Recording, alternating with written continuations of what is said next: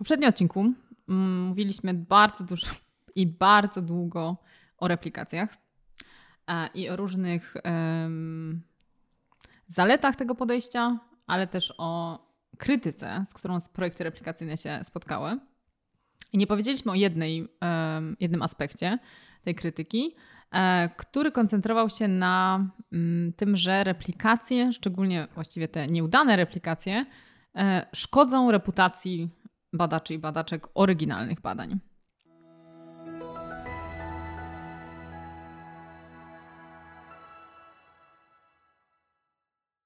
Po pierwsze, replikacja, sama próba replikacji postrzegana jest jakaś taka nieufność, um, takie krytykanstwo skierowane w Na pewno do... źle zrobił badanie. Właśnie, na pewno coś oszukał. Oszukał. Albo oszukała. Tak. I trzeba to sprawdzić, pokazać, że to tak nie jest, napiętnować.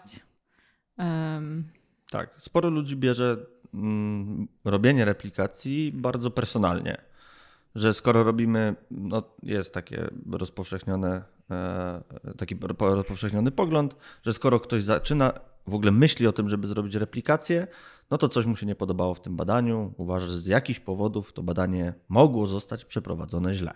No właśnie, a z drugiej strony właściwie można by na to spojrzeć jako taki e, wyraz uznania. To znaczy, że, że zrobiłeś coś tak ważnego, że inni ludzie chcą teraz zreplikować, e, że jakbyś zrobił jakąś jakieś bzdurne badanie, którego nikt nie cytuje, nie czyta, no to właściwie skoro nie czyta, to nawet nie wie, że jest takie badanie, to nawet nie będzie próbować e, go replikować. Tak. Więc, ale jakoś to, to, ta interpretacja jako wyraz uznania się nie przyjęła. No ni niestety. I bardziej jest to jako um, taka krytyka, bardziej lub mniej wyrażona wprost. Tak, dlatego w tym odcinku chcielibyśmy się ogólnie zająć problemem krytyki i krytykanstwa w akademii. Krytycyzmu krytycyzmu też. Mm, I zastanowimy się, czy powinniśmy krytykować krytyków, czy raczej do nich dołączyć tak. na przykład. Mhm. I mogłoby się to wydawać ciekawe o tyle, że wydawałoby się, że system nauki opiera się na krytyce. Prawda?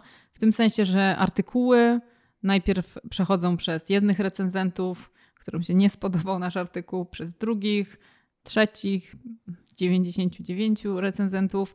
Um, I w tym sensie to, ta ekspozycja na krytykę, e, ostrą krytykę, e, jest właściwie ciągła. Prawda? Więc w jakimś sensie można powiedzieć, że A, przyzwyczailiśmy się, e, B, sami jesteśmy często recenzentami, recenzentkami, więc właściwie też wiemy, jak to wygląda z drugiej strony, wiemy, jakimi kierujemy się motywacjami, mm, jakie mamy reakcje na, na badania innych osób, które musimy jakoś tam skrytykować, powiedzmy. Um, więc można powiedzieć, że to jest taki właśnie chleb powszechny w nauce i w tym sensie ta replikacja um, nie, jest, nie jest żadną nową, reakcje na replikację nie są żadną nową sytuacją, prawda? I teraz, um, no oczywiście to nie powoduje, że to się staje jakoś mniej bolesne w tym przynajmniej pierwszym podejściu. Tak? No, pewnie po jakimś czasie jest już jakaś desensytyzacja i e, już ci odrzucili. Znowu negatywna recenzja. No, Trudno, pójdę gdzieś Desk indziej. reject piąty w ciągu tygodnia. Tak. No to się zdarza. Mm, zdarza. No na pewno się zdarza. Ja ci mogę powiedzieć, że się zdarza. Więc to nie jest, to nie jest abstrakcyjny przykład. Tak. To nie jest hipotetyczny, co słyszałem, że są tacy, którym się zdarza. Nie, nam się zdarza. Oczywiście, że się zdarza.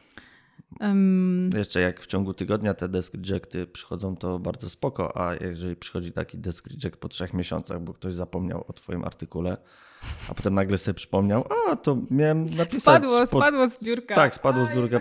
Pie, pies, mi por, pies mi porwał. I hmm. Desk Reject dopiero dzisiaj po trzech miesiącach, gdzie już mógłby być w trakcie recenzji. No, zdarzają się takie rzeczy. I to oczywiście my się możemy denerwować, szczególnie w tych sytuacjach, kiedy no, ktoś robi coś nie tak.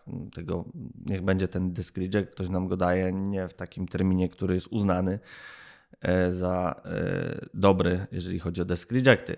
No ale sama ta sytuacja, że my ciągle jesteśmy oceniani, cały czas ktoś mówi, to zrobiłeś źle, to zrobiłeś rzadziej rozmówi, to zrobiłeś dobrze, to no jednak powinno... Może nas... dobrze, ale i tak mogło być lepiej. Tak, dokładnie. Czemu nie pomyślałeś o uwzględnieniu jeszcze... E, ba badań profesora X, anonimowy recenzent o tym mówi.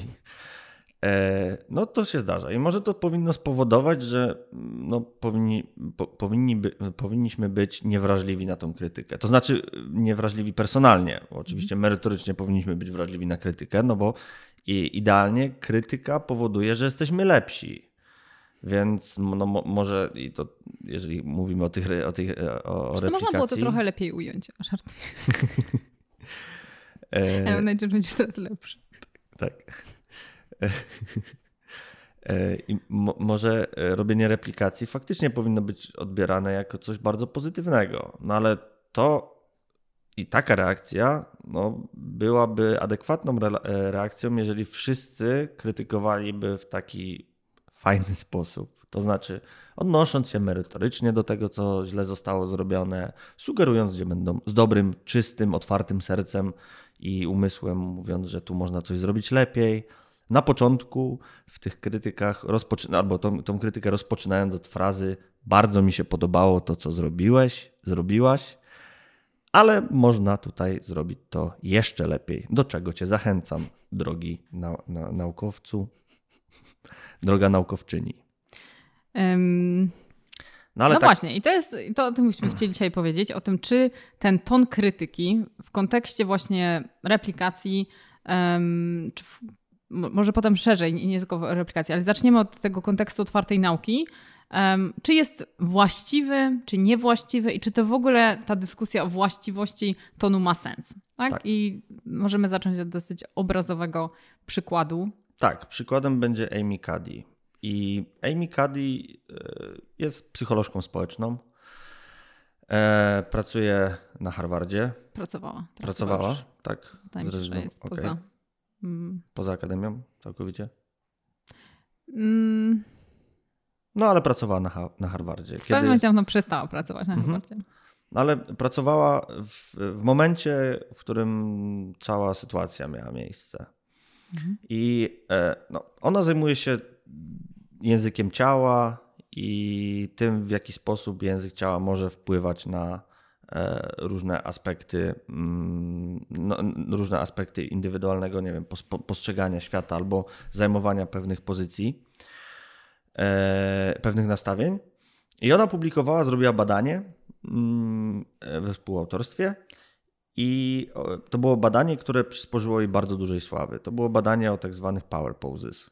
Te power poses to są, tak jak mówiłem, zajmuje się językiem ciała. To jest bardzo charakterystyczne ustawienie ciała, w ogóle trening w, w, w, w odpowiednim ustawieniu swojego ciała. Ona pokazała, że trening mm, tego spowodował, wywołał u, u badanych poczucie siły. To znaczy byli bardziej pewni siebie, czuli się bardziej oso osobami silniejszymi. Co więcej, no bo no to jest jednak subiektywne poczucie, ale ona jeszcze pokazała bardzo ważną rzecz, to znaczy, że mm, sam trening tych odpowiednich postaw powodował zwiększenie poziomu testosteronu i spadek e, poziomu kortyzolu. I właśnie, i to jest ważne, to, to, to, dla późniejszej historii tych badań i reakcji na te badania jest ważne, ponieważ to, co właśnie ona w tym badaniu generalnie prosiła e, badanych o przyjmowanie określonych pozycji ciała, które są skojarzone z wysokim, wysokim statusem, z władzą, z tak, siłą. Tak, i to prawda? był trening chyba albo dwukrotnie, albo e, trzykrotnie po jedną minutę trwały. Tak, no właśnie, czyli takie takich. tak naprawdę mini interwencje. Tak. E, I to, co jakby było jej głównym wynikiem, który przedstawiała dalej, to są właśnie te zmiany fizjologiczne. Czyli właściwie ten, to pytanie o to subiektywne poczucie władzy, y, siły, było tylko takim sprawdzeniem, czy nasza manipulacja zadziałała. Czyli prosiliśmy badanych o przyjęcie określonych pozycji ciała, czy one wywołały poczucie. Mhm. Tak, i do tego momentu, kiedy mówimy o tym, że badany czuł się subiektywnie jako silniejszy, czuł się bardziej pewny siebie, no tu nie ma jeszcze niczego powiedzmy zaskakującego, niczego przełomowego w tych badaniach. No, ale pokazała, że z tym są stowarzyszone E, stowarzyszone są zmiany fizjologiczne. No, mhm. Jednak e, zmienia się poziom hormonów. Mhm. Mhm. No i to było, to było coś, co no, wywołało wielki szum. No, badanie było bardzo szeroko omawiane. Ona no, występowała, miała swoje te, te toki i opowiadała o tym, i w pewnym, w niedługim czasie zrobiła się no, dość dużą gwiazdą. I właściwie ten TED Talk to był taki, ja nie, ja nie wiem na ile to badanie przed tym TED Talkiem było poza y, środowiskiem naukowym aż tak tam, nie wiem, cytowane czy wpływowe, ale ten TED Talk to jest jeden z najbardziej chyba popularnych TED Talków w historii. Więc, a na pewno do pewnego momentu był z wieloma milionami odsłon i ona też tak, no, jak sobie, jak, mhm. jak sobie tak o tym myślimy, no to, to, to jest dość przełomowa e, rzecz, no bo to jest coś, co w bardzo niewielkim nakładzie możemy sobie w każdej sytuacji zrobić i dzięki temu no, to wpłynie na nasz, e, na nasz performance w danej sytuacji. Jeżeli musimy z kimś, nie wiem, idziemy na rozmowę o pracę mhm. albo musimy przed bardzo ważną komisją dobrze wypaść i tak dalej, i tak dalej. Mhm. No i teraz dlaczego mówimy? No, super historia, ale to historia się tu nie kończy. Bo w 2014 roku e, e, naukowcy z Uniwersytetu w Curychu zrobili replikację tego badania. No i ta replikacja, mm, tutaj to jest ważny element tego, który później może będzie istotny. Troszeczkę inna metodologia była, ale co do, zas- co do zasady z tego badania wyszło, że no, przyjmowanie tych power poses nie, e, efektem tego nie jest uzyskanie takiej odpowiedzi hormonalnej, jak e, otrzymała, e, jak to było w badaniach oryginalnych. Mhm. Czyli ten najważ, powiedzmy najważniejszy, najbardziej przełomowy element tego badania nie zreplikował się. Mm, zostało to subiektywne poczucie siły, tam tak, badani raportowali to. I ona jeszcze, o, o jednej rzeczy jeszcze nie powiedziałem, to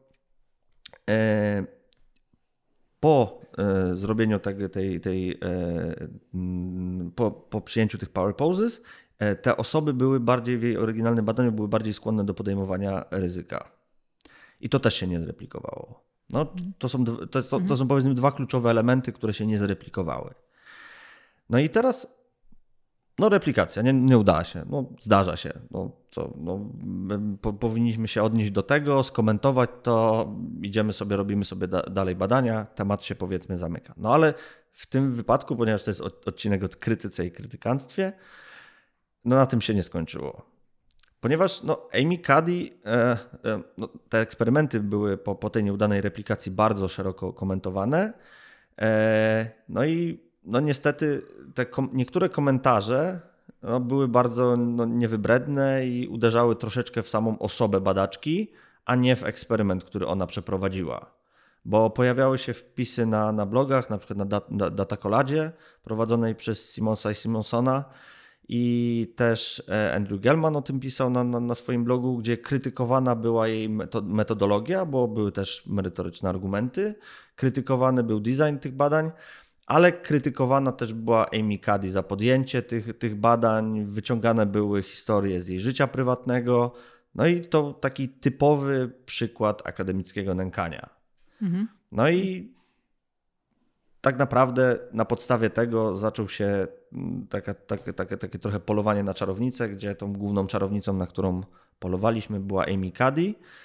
E, no i do, do pewnego stopnia można można zrozumieć e, siłę krytyki, samą siłę krytyki, no bo w tym czasie e, no, te badania one bardzo silnie wyszły poza świat akademicki, bo ona nie dość, że no, publikowała je w, e, w, czasopiśmie, ale jeszcze był ten TED Talk, ona przygotowała książkę, która miała być, wtedy w tym momencie przygotowała książkę, która miała być takim naprawdę czymś, co, co, co, co, co zmieni świat.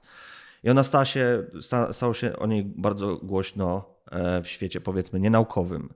Więc no, może ta krytyka powinna być taka, żeby wszyscy to usłyszeli, ale na pewno nie w takim zakresie. No, tu raczej wszyscy są zgodni, że no, reakcje niektórych ludzi no, nie były odpowiednie. Więc mamy tu taki dobry przykład czegoś, co możemy nazwać sobie akademickim nękaniem. No bo tam dokładamy do tego, można sobie przeczytać w artykule, który podsumowuje całą, całą historię sprzed paru lat w New York Timesie, że no, ona miała związane z tym miała dużo problemów dość takich osobistych, e, związanych z jakością swojego życia. To, to bardzo silnie się na, niej, na jej zdrowiu odbiło. Mhm. No właśnie, no i pytanie jest takie, no bo można by z jednej strony powiedzieć, że to jest bardzo przykra historia, w sensie to, co się wydarzyło w, i ta fala krytyki takiej właśnie niemerytorycznej, która ją spotkała i takiego hejtu po prostu. Um, no ale pytanie jest takie, czy to jest po prostu odosobniony przypadek, czy tak jak tutaj w tym podcaście wielokrotnie e, zastanawiamy się nad takimi systemowymi sytuacjami. Czy to jest e, taka krytyka, która jest no właśnie bardzo bolesna, uderzająca w osobę, jest charakterystyczna dla na przykład ruchu otwartej nauki. Czy, czy często się pojawia, że krytycy, bo to najczęściej to są jednak mężczyźni e, właśnie piszący te, e, te blogi, czy bardzo aktywni na, w mediach społecznościowych, czy to na Facebooku, czy na Twitterze. Ta, te, te argumenty, które używają, nie są do końca, czy nie są zawsze, czy nie są wyłącznie merytoryczne, ale są bardzo często złośliwe, personalne, po prostu no takie raniące. Tak? I czy to jest problem? To znaczy, pierwsze pytanie, czy to jest bardziej systemowo, drugie pytanie, czy to jest problem. Więc teraz tak, ja nie znam żadnych analiz um, jakichś takich systematycznych nad tą kwestią tonu, więc to, co tutaj pewnie duża część tego podcastu będzie jakieś takie też wrażenia, czy właśnie wywiady, czy, czy indywidualne historie, um, ale y, jest taki wątek, powiedzmy, moralizowania otwartej nauki. Czyli, że um, jeśli są osoby po stronie tych krytyków, które uważają, że na przykład zrobienie badań w niewłaściwy sposób, niewłaściwe raportowanie, tak naprawdę ukrywanie danych, nie wiem, p-hacking, o którym tutaj wielokrotnie mówiliśmy, to są po prostu nieuczciwe zachowania, niemoralne. E, I w jakim sensie zaczynamy wtedy moralizować całą tą sprawę związaną z rzetelną nauką, z metodologią, z, z sposobem prowadzenia badań. I tam jest, można, możemy się zastanowić może później, czy tam jest jakiś jakby trafność w, ty, w, w tym podejściu. Ale teraz, jeśli są osoby, które właśnie tą, tą, ten sposób y, robienia badań moralizują, no to z psychologii nawet wiemy, że wiąże się to na przykład z większą wrogością wobec osób, które uważamy, że zachowują się niemoralnie, tak? że na przykład niszczą tą naukę, na której nam zależy, czy niszczą um, być może kariery młodych badaczy, którzy nie są w stanie um, odnieść sukcesu w takiej dziedzinie, która jest zmonopolizowana przez um, ludzi robiących to źle, ale za to mających wpływ na to, jak to jest robione. Więc w jakimś sensie część tej krytyki wydaje mi się, że jest motywowana, takiej właśnie mm, mało fajnej, y, jest motywowana poczuciem, że po drugiej stronie jest ta Emi Cuddy, która dla swojego TED Talku, dla swojej książki, dla sławy tak naprawdę y, sprzeniewierzyła się zasadom nauki. Tak, bo e, te reakcje, o których, o których mówiłem, momentami wyglądały tak, jak reakcja na zachowanie jakiejś osoby, która świadomie oszukiwała w badaniach. Mhm. Natomiast o to raczej nie, podej nie podejrzewamy Amy, Cuddy. Bo mhm. no nie było, jak, jak, czyta się tą, tą, tą historię, no to nie ma tam żadnych informacji dotyczących te, tego, że nie wiem, badania zostały sfałszowane. Raczej wskazywane są jakieś niedociągnięcia metodologiczne i może tutaj, nie wiem, zakres, e, zakres e, wniosków, które zostały z tych badań, e, które mamy z tych badań, powinien zostać zawężony ale to raczej tam nie było czegoś, co w oczywisty sposób pokazuje, że ona oszuka, oszukała dla własnej korzyści. Mhm. Bo to nie jest tak, że raczej nie jest tak, no mhm. bo oczywiście świat może wyglądać zupełnie inaczej, bo mhm. nie mamy wszystkich informacji, no ale raczej wygląda to tak, że po prostu e, z uwagi na to, że nie udała się ta replikacja, no spotkała ją taka mhm. niemalże za, za, darmo fala hejtu. No właśnie, znaczy do tego, czy tylko z uwagi na tą replikację, mhm. to możemy jeszcze wrócić, ale jakby dalej powstaje pytanie takie ogólne, czy jest coś w ruchu tych otwartej nauki, tych reform, e, co być może facylituje taki, um, taką nagonkę po prostu, że jak mamy do czynienia z jakimiś nie wiem, właśnie badaniami, czy nie replikują, czy teorią, która nie zyskuje poparcia w replikacjach, czy jakby łatwo jest wzbudzić taki no właśnie taki, taką krytykę, która wykracza poza ramy powiedzmy konstruktywnej krytyki. No, ja nabieram takiego przekonania, że to jest jak z każdym ruchem. Mamy takie bardziej mhm. skrzydło ekstremistyczne, gdzie no, są tacy typowi wojownicy otwartej nauki i mimo oczywiście, że oni walczą, sama mm, powód, dla którego walczą jest bardzo dobry, no, oni walczą o mhm. otwartą naukę i oni gdzieś tam na poziomie merytorycznym mają rację, bo chcemy mhm. robić lepszą naukę. No ale sposób, w jaki oni to robią, no nie, jest, nie, do, nie, nie zawsze jest, nie, nie, nie zawsze jest właściwy. Mhm. No bo sposób przekazu i czasem jak się czyta niektóre opinie albo niektóre komentarze, no to to jest zakładanie, że po drugiej stronie zawsze jest osoba, która świadomie fałszuje te badania i jest mhm. świadomie złym naukowcem, który chce zniszczyć tą ukochaną przez obrońców otwartej nauki naukę. Mhm. No tak, no i to jest taki sentyment, który na przykład wyraziła e, Susan Fisk w takim, to był list opublikowany przez e, APS, z tego co dobrze pamiętam, e, gdzie właśnie ona stanęła na jakby straży, powiedzmy, takich konstruktywnej krytyki, że my tutaj jesteśmy naukowcami, naukowczyniami, którzy robią wspólną, jak działamy na rzecz wspólnej sprawy, powinniśmy traktować się z życzliwością. Oczywiście powinniśmy krytykować, ale powinniśmy to krytykować w odpowiedni sposób, a nie jak taki właśnie nie organizować tej, tych, te, takie nagonki i, i, gnębienie naukowców, szczególnie w mediach społecznościowych. Bo to wydaje mi się, że to faktycznie ma rację, że wiąże się to w dużej mierze z dostępem do, mm, do mediów społecznościowych, gdzie każdy może wygłosić swoją opinię, nie czekając aż przejdzie to przez recenzję. Tak, i... ona zwróciła, to jest bardzo ważne, bo ona zwróciła na to uwagę, że bardzo często te komentarze nie są publikowane w e, czasopismach, które przechodzą proces peer mhm. review, tylko zazwyczaj jest to albo na Twitterze, tak mhm. jak wspomniałaś, albo na jakichś blogach, które są mhm. prowadzone przez jak ona to nazywa, e, e, Stats Police. No właśnie, ale też używa określenia metodologii. Digital terrorist. terrorist.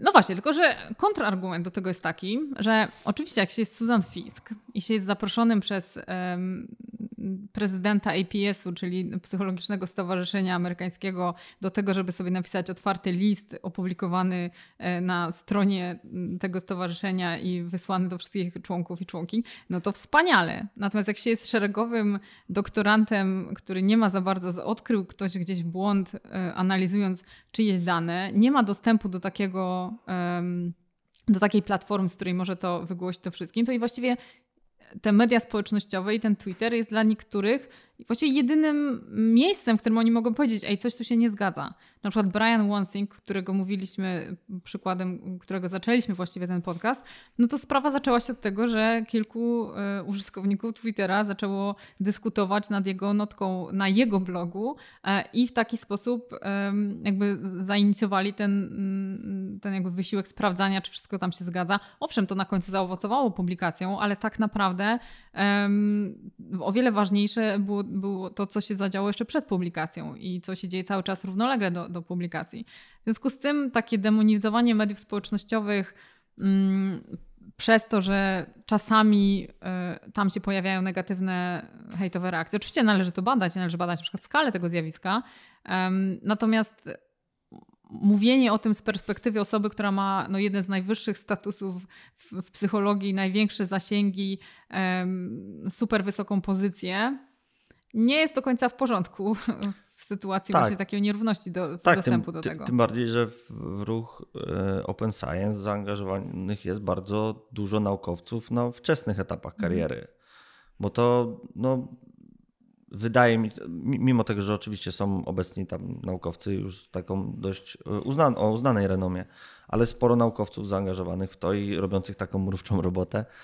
E, to są naukowcy, którzy są albo doktorantami, albo świeżo po doktoracie i których siła przebicia jest zazwyczaj dużo, dużo mniejsza.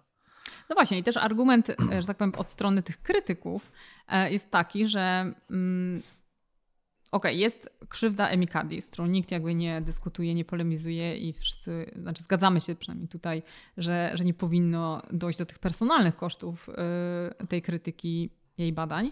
Mm, natomiast y, historia Mikadi znowu została opisana, to jest badaczka z Harvardu, zresztą była chyba studentka e, Susan Fisk. I jej historia została opisana w bardzo długim artykule w New York Timesie. Tak.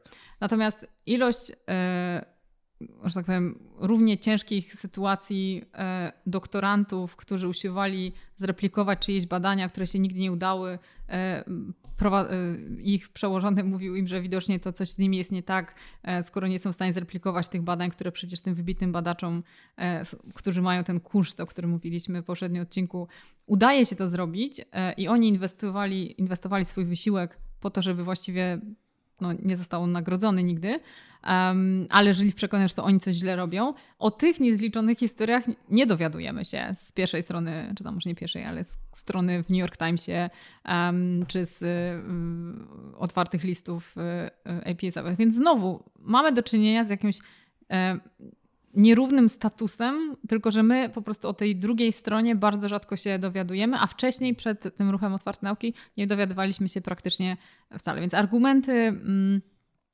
po stronie krytyków są takie, że oni również troszczą się o krzywdę, która się dzieje w nauce, tylko to nie jest ta krzywda, yy, to nie jest krzywda osoby, która swoją, że tak powiem, karierę zbudowała na TED Talku w oparciu o wiem, jeden artykuł. I w tym sensie znowu jakby nie, nie, jakby nie podważam tego, co się e, stało Emikadi i na pewno na przykład jestem, znaczy nie czy na pewno, ale jestem głęboko przekonana, że fakt, że to się stało Emikadi, a nie na przykład Brianowi Wansinkowi ma również do czynienia tutaj z kwestią płci e, i tego, kto jest łatwiejszym, um, łatwiejszą ofiarą do, do ataku tego typu. Um, ale, ale też nie zapominajmy właśnie o tym, na co zwraca uwagę ten, ten ruch, um, jakby na tą krzywdę z drugiej strony. Mhm, tak.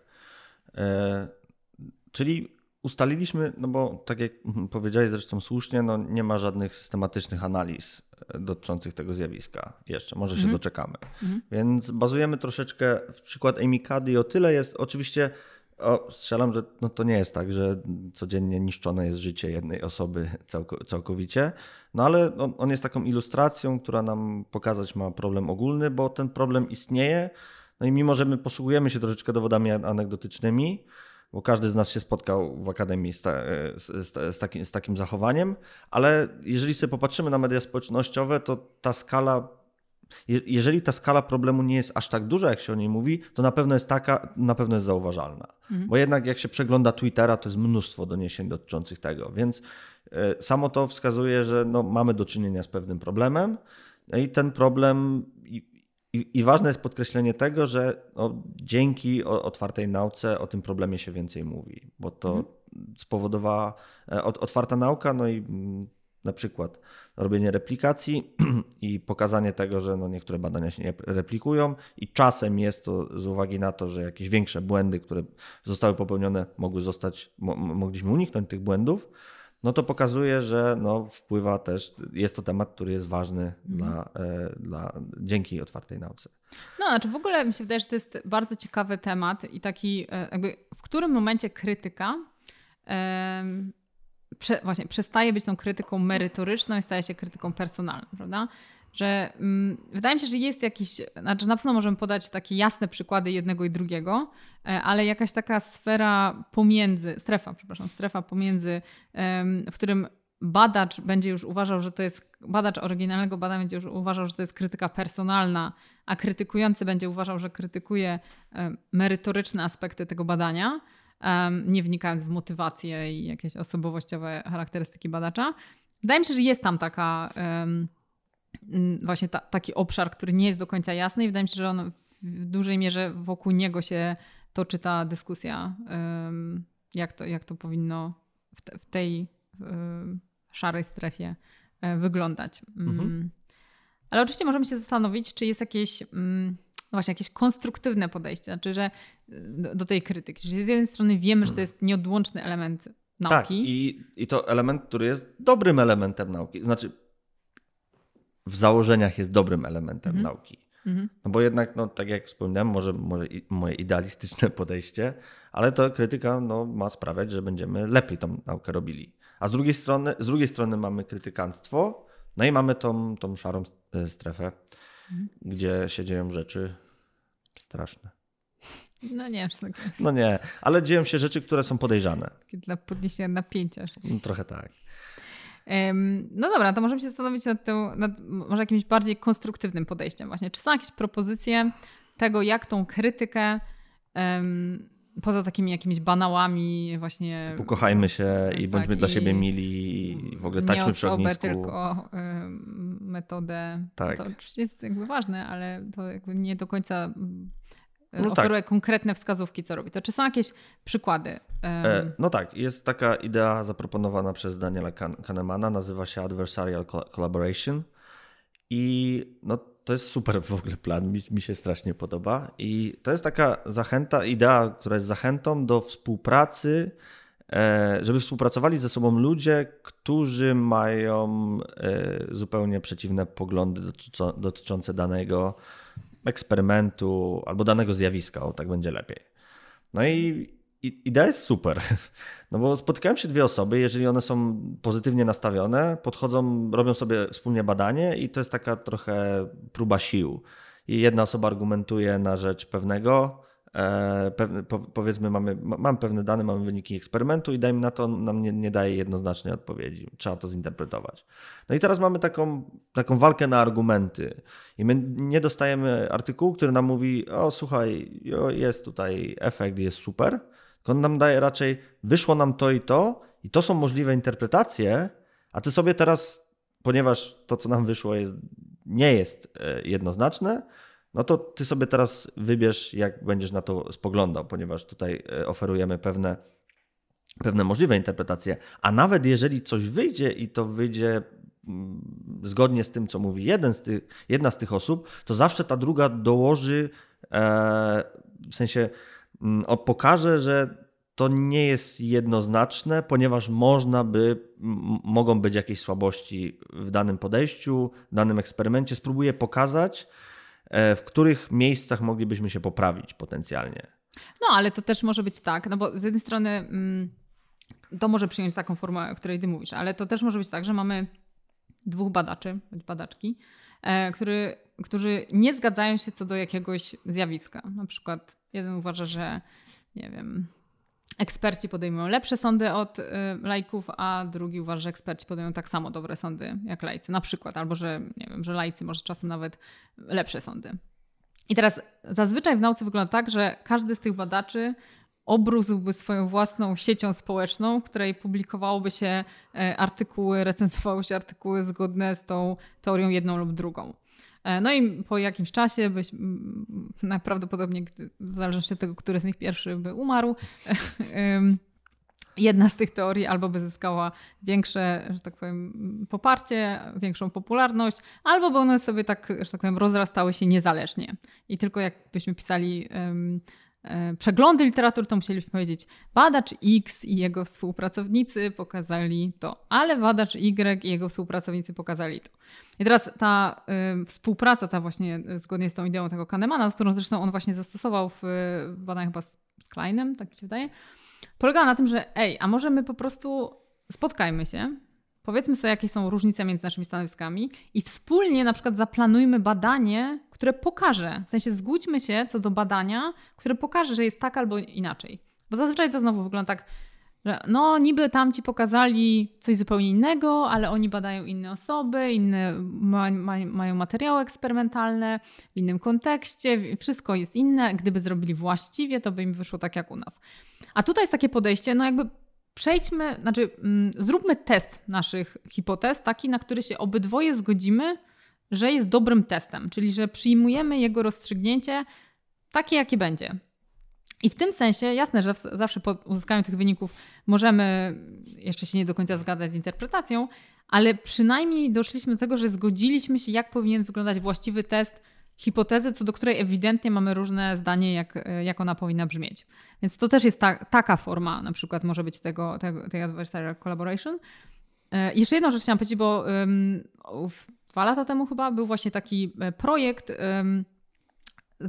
w, który było zaangażowane więcej niż dwóch e, badaczy, tam było kilka zespołów i dotyczyło takiego problemu teoretycznego związanego z percepcją społeczną. To znaczy, jakie wymiary w ocenie innych czy w ocenie grup stosujemy, e, czy są jakieś takie właśnie uniwersalne wymiary i te, te, w różnych koncepcjach teoretycznych właściwie to się sprowadzało do tego, że mamy jeden wymiar kompetencji i drugi wymiar ciepła.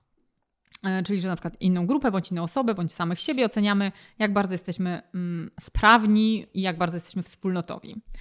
No i było wiele, znaczy kilka różnych koncepcji, teorii, które generalnie mówiły o bardzo podobnych rzeczach, trochę inaczej nazywały te wymiary, trochę inne relacje między tymi wymiarami być może zakładały, ale y, to, co zrobili przedstawiciele tych różnych teorii, spotkali się właśnie kilka lat temu i chcieli zorganizować taką, tak, taką właśnie współpracę, która by powiedziała, gdzie, gdzie oni są zgodni, gdzie nie są zgodni, co, y, jakie są jakby różnice, tak jakby nie, żeby tego nie toczyć w osobnych artykułach, w których ja napiszę swój artykuł, ty napiszesz swój artykuł, może cię zacytuję, ale najczęściej nie, żeby się nikt nie zirytował, że mówimy o tym samym. Więc oni jakby inne podejście do tego mieli na podstawie też tej współpracy, która zaowocowała takim merytorycznym artykułem, ale też napisali artykuł o tym, jak, to, jak mm, facylitować taką współpracę właśnie, więc, więc to też jest dosyć, dosyć ciekawe. Tak, e, no ale co do zasady, no nie ma raczej sposobu, żeby zmusić e, naukowców do takiej, e, do takiej współpracy. E, dlatego są takie głosy, żeby dopuszczać na przykład więcej w czasopismach naukowych więcej dopuszczać komentarzy. Mhm. Żeby więcej publikowanych były, było komentarzy, takich robionych, to źle zabrzmi na zamówienie, ale takich, że mm, no my niedługo wypuszczamy artykuł, który dotyczy sprawy X i bierzemy kogoś, kto, się, kto ma zupełnie inne podejście do tej, do tej sprawy X i prosimy go o napisanie komentarza. Natomiast znalazłem, że w 2019 roku znaczy jest blog e, Adversarial Collaboration Content, e, Contest, przepraszam, i prowadzony przez Scotta Aleksandra i on e, ostatni chyba był w 2019 roku, robi konkurs na najlepszy essay, który ma taką, e, który jest na podstawie tej adversarial collaboration zrobiony. I w 2019 wygrał essay o tym, czy ograniczenie kalorii mm, spowalnia procesy starzenia się. I był taki, jest taki bardzo długi artykuł, a drugie miejsce zajął artykuł o tym, czy spożycie mięsa e, zmniejsza taką e, pojmowaną społecznie krzywdę. I to są, jak sobie dzisiaj rano to przeglądałem, to są bardzo, bardzo ciekawe artykuły. Są, napisane są przez minimum dwie osoby właśnie mhm. E, i w takiej formie, gdzie przekrzykujemy się swoimi, e, znaczy walczymy na argumenty. Mhm. Także no, jest to całkiem są ciekawe, są, są, tak, są, są pozytywne przy, przykłady, natomiast no, nie jest to praktyka rozpowszechniona. To, mhm. to jest raczej taka mhm. coś, co fajnie było jakby zostało od czasu do czasu zrobione, ale pojawia się rzadko. Mhm. No, jeszcze takich pomysłów, które też właściwie jednostkowe przykłady możemy przywołać, ale które może się znam podchwycone i może byłoby to też ciekawe. To jest taki pomysł zaproponowany przez chyba Daniela Lakensa, um, takie Red Team, które polega na tym, że my robimy badanie, a następnie płaci, piszemy, bo nawet to dochodzi do etapu napisania artykułu, a następnie płacimy takiemu właśnie inne, alternatywnemu powiedzmy zespołowi, którego zadaniem jest znalezienie jak największej liczby błędów, mm, jakichś nieścisłości, problemów z naszym artykułem. Czyli coś, co my zazwyczaj czego unikamy, czyli modlimy się wysyłając artykuł do czasopisma, żeby tam nikt się do niczego nie doczepił. Tak, żeby... I im mniej będzie, im mniejszej liczby rzeczy się doczepią, tym lepiej. Chociaż ja zawsze mam wtedy poczucie, prawdę mówiąc, moje osobiste stanowisko jest takie, że mam wrażenie, że to byli jacyś leniwi recenzenci, którzy się nie doczepili. Albo ktoś nie, nie postarali się. Właśnie, już spóźnili się trzy miesiące i mieli dociśnięci byli, więc napisali, no dobra, jest, jest okej. Okay. Więc jakieś zawsze mam takie dwuznaczne, no ale jednak jest radość, że nie trzeba za dużo poprawiać. Nie? Jak dostajesz takie z kolei 10 stron um, z uwagami, no to myślę no ten to się napracował, ale nie wiem, czy aż taka jestem szczęśliwa z tego powodu. Nie? Więc w jakimś sensie no jest taka ambiwalencja co do mm, recenzentów przykładających się do swojej pracy. No to w tym, w tym pomyśle Lakensa jest właśnie e, nie tylko, że ja mam być im wdzięczna, ja im mam zapłacić za to, że oni znajdą błędy w moim artykule. E, no i to jest, jakby zmienia to w ogóle sposób myślenia o krytyce, prawda? Że to nie jest tylko coś, czego, przed czym ja się jakby właściwie bronię i, i, chcę uniknąć i jak już muszę, no to jest po prostu bolesne. Nie, to jest coś tak pożądanego, że ja właściwie jestem gotowa zapłacić pieniądze komuś, żeby to zrobił w sposób rzetelny. Więc wydaje mi się, że to jest bardzo... Um, no taki pożądany sposób myślenia o, o krytyce, prawda? Że to jest coś, co tak naprawdę ma ulepszyć naszą pracę. E, no i też ja tak naprawdę, jak sobie patrzę na swoje własne, nie wiem, jakieś czy artykuły, czy, czy, czy badania, które robiliśmy, no to jakby mimo tego, że na początku ta krytyka zawsze jakoś boli i no ciężko się od tego uwolnić, że no ten, ta pierwsza reakcja jest taka, no nie, no czemu, czemu? To naprawdę jest bardzo dobre badanie, czemu, czemu je krytykujecie? No to tak naprawdę długofalowo to są uwagi, które naj, jakby najbardziej popychają tą pracę e, naukową do przodu. To znaczy mało kto się, że tak powiem, ulepsza od tego, że się mu powie, no świetnie to zrobiłeś. Mhm. To też taki Chociaż bardzo... źle zabrzmiało bardzo. Nie, nie, pozytywny feedback też jest bardzo, bardzo ważny, żeby się tak zupełnie nie zniechęcić. Tak. Natomiast y, nie zawsze on jakoś facylituje szukanie sposobów na to, jak można by coś zrobić lepiej. Tak, ale no, to znowu jest przykład y, z życia wzięty, no bo y, u, u, mnie, u mnie w działce się tak robi, czyli w filozofii prawa. Zazwyczaj jak się pisze artykuł, to później aż chce się jechać na dwie, trzy konferencje, mniej więcej z tymi samymi fragmentami tego artykułu, tylko po to, żeby zebrać krytykę. Żeby mhm. tam się zawsze znajdą ludzie, którzy się do czegoś czepią i E, mimo, że często są takie argumenty, które no, są takie, mm, ok, tutaj nie uwzględniłeś tego, tamtego, ale no, jeżeli się zbierze kilka takich wystąpień, to na tyle się zbierze materiału, jak się go doda do tego, e, co się wcześniej napisało, no bo to są prace no, nieempiryczne zazwyczaj. Mm.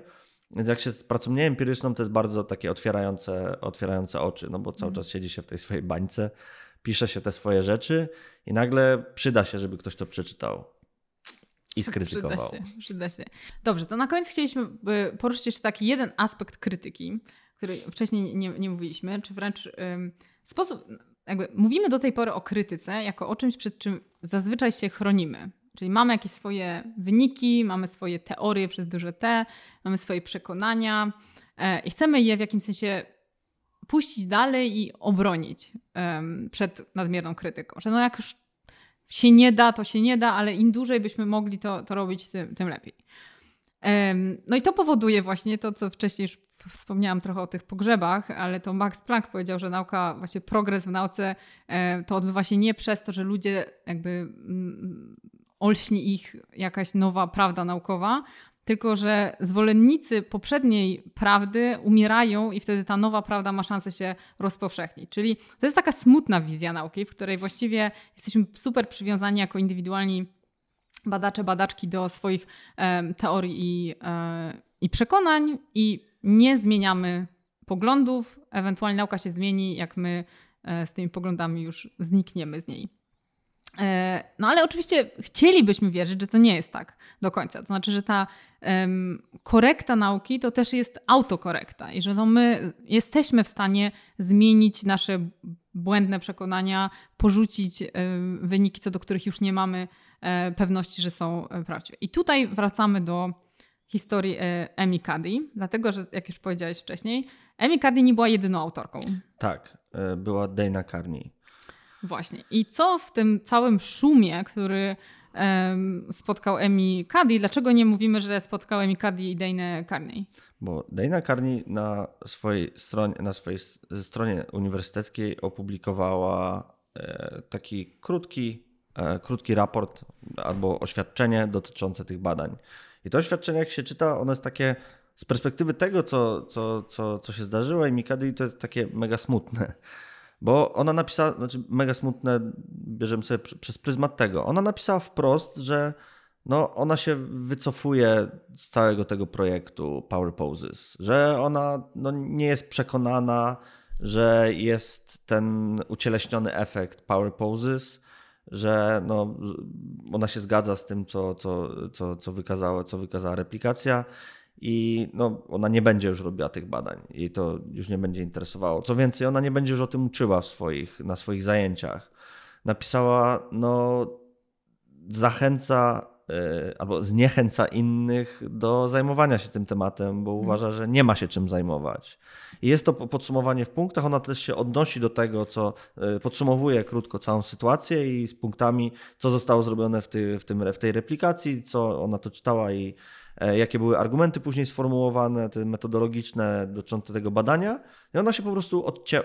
No de facto ona się odcięła od tego. Hmm. Ona powiedziała, że mhm. no, by, było, było co było, e, no ale już nie jest, ja się od tego odcinam. Nie będę robiła tych badań i zupełnie nie wierzę w ten efekt. No właśnie, czyli tylko żebyśmy doprecyzowali, że nie, nie, nie w tym sensie, że się odcięła od Emi Cuddy. Nie, nie, nie, nie, nie, Ona była właściwie pierwszą autorką tego badania, więc ona właściwie lepiej wiedziała, co zostało tam zrobione niż Amy Cuddy.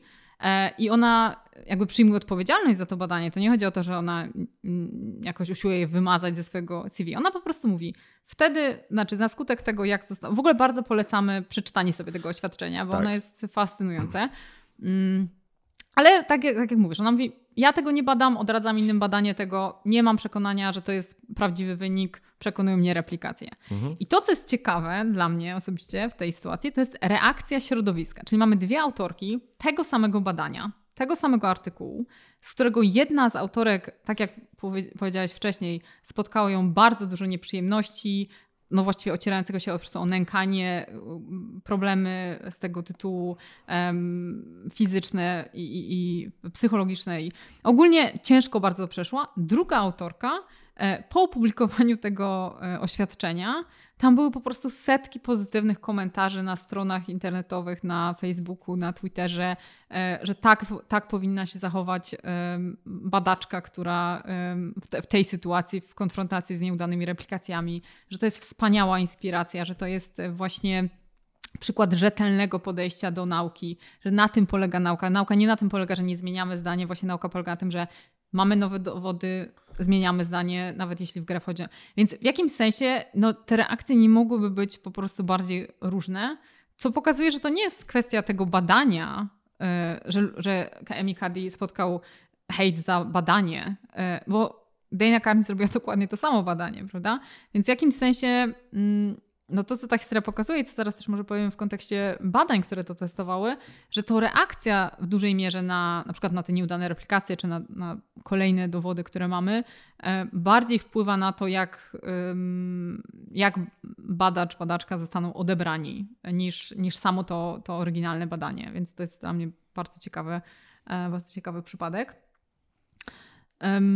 I moglibyśmy powiedzieć jeszcze o takim też super ciekawym projektem, który właśnie został zainspirowany przez e, przypadek, przez to oświadczenie Dany Carney.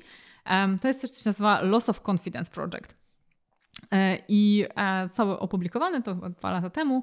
E, pod wpływem tego oświadczenia kilkoro badaczy wpadło na pomysł tego, żeby zebrać więcej takich, że tak powiem, oświadczeń od, od badaczy, czyli zobaczyć, czy jakby jak powszechne i czy w ogóle są takie przykłady osób w nauce, w tym kontekście, bo w psychologii, no, które po prostu w, po, z upływem czasu straciły wiarę w swoje wyniki. Czyli w momencie, mm, i to może być z różnych powodów to się mogło y, wydarzyć. E, no i oni ogłosili taki, mm, mm, taki że tak powiem, otwarty call na, do tego, żeby zgłaszać się do nich z takimi oświadczeniami. No i najpierw w pierwszym podejściu chyba dostali 7 takich y, oświadczeń, potem ogłosili ponowny nabór, więc w sumie chyba jest 13 oświadczeń. I znowu to jest też coś, co bardzo polecamy, bo tam widać, to są takie bardzo krótkie mm, akapity, w których e, badacze, badaczki napisali, dlaczego w coś, co kiedyś wierzyli, teraz już nie wierzą. I teraz warunek był taki, że to, są, e, że to oni mieli być główną osobą odpowiedzialną za dane badanie. Czyli żeby uniknąć takiej sytuacji, że no teraz widzę, że mój współautor sfałszował wyniki, odcinam się od tego, tak? bo ja jestem po prostu świetna. Nie, tam są oświadczenia w stylu właściwie zaangażowałam się w p-hacking. Więc ja już nie wierzę w to badanie, które opublikowałam 5 lat temu. Albo y, tak naprawdę tam zrobiliśmy o wiele więcej analiz, czyli te przykłady tej elastyczności badacza, o której mówiliśmy w, te, w tym podcaście też. Czyli zrobiłam, czy zrobiłem Wiel, więcej analiz, tam było więcej warunków, więcej grup eksperymentalnych, ale wyszło mi tylko w tej jednej kombinacji, tylko to opublikowałem. Teraz nie myślę, że to jest prawda, co wtedy napisałem.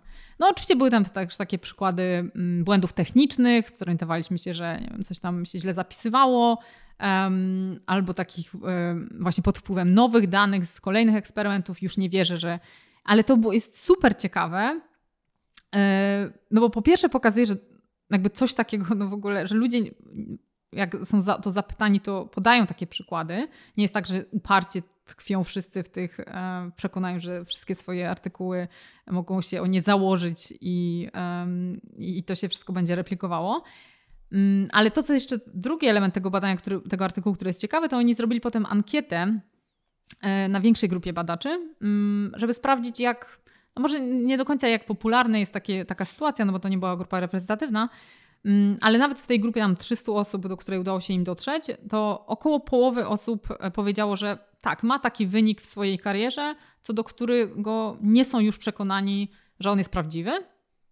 E, więc, więc to pokazuje, że to, ta skala tego zjawiska, takiej właśnie autokorekty, e, albo przynajmniej, może nie korekty, ale przynajmniej zmiany przekonań jest obecna w nauce. Mm, ale to, co w jakimś sensie było smutnym aspektem tego, to jest to, że y, bardzo duża część tych osób, które przyznały, że zmieniły zdanie co do swojego wyniku, jednocześnie mm, powiedziała, że ten, y, ta mm, zmiana mm, tej opinii nie jest publiczna. Czyli właściwie są jedyną osobą, która wie, że no dobra, kiedyś opublikowałam coś 10 lat temu, teraz już to nie wierzę, ale właściwie nikt poza mną tego nie wie, że, że to jest coś, co ja już sama nie wierzę. Więc to jednak, więc autokorekta nie zawsze przechodzi na taki społeczny poziom, ale jest na pewno bardzo bardzo ciekawe i takie też normalizowanie tego, że zmiana opinii jest ok.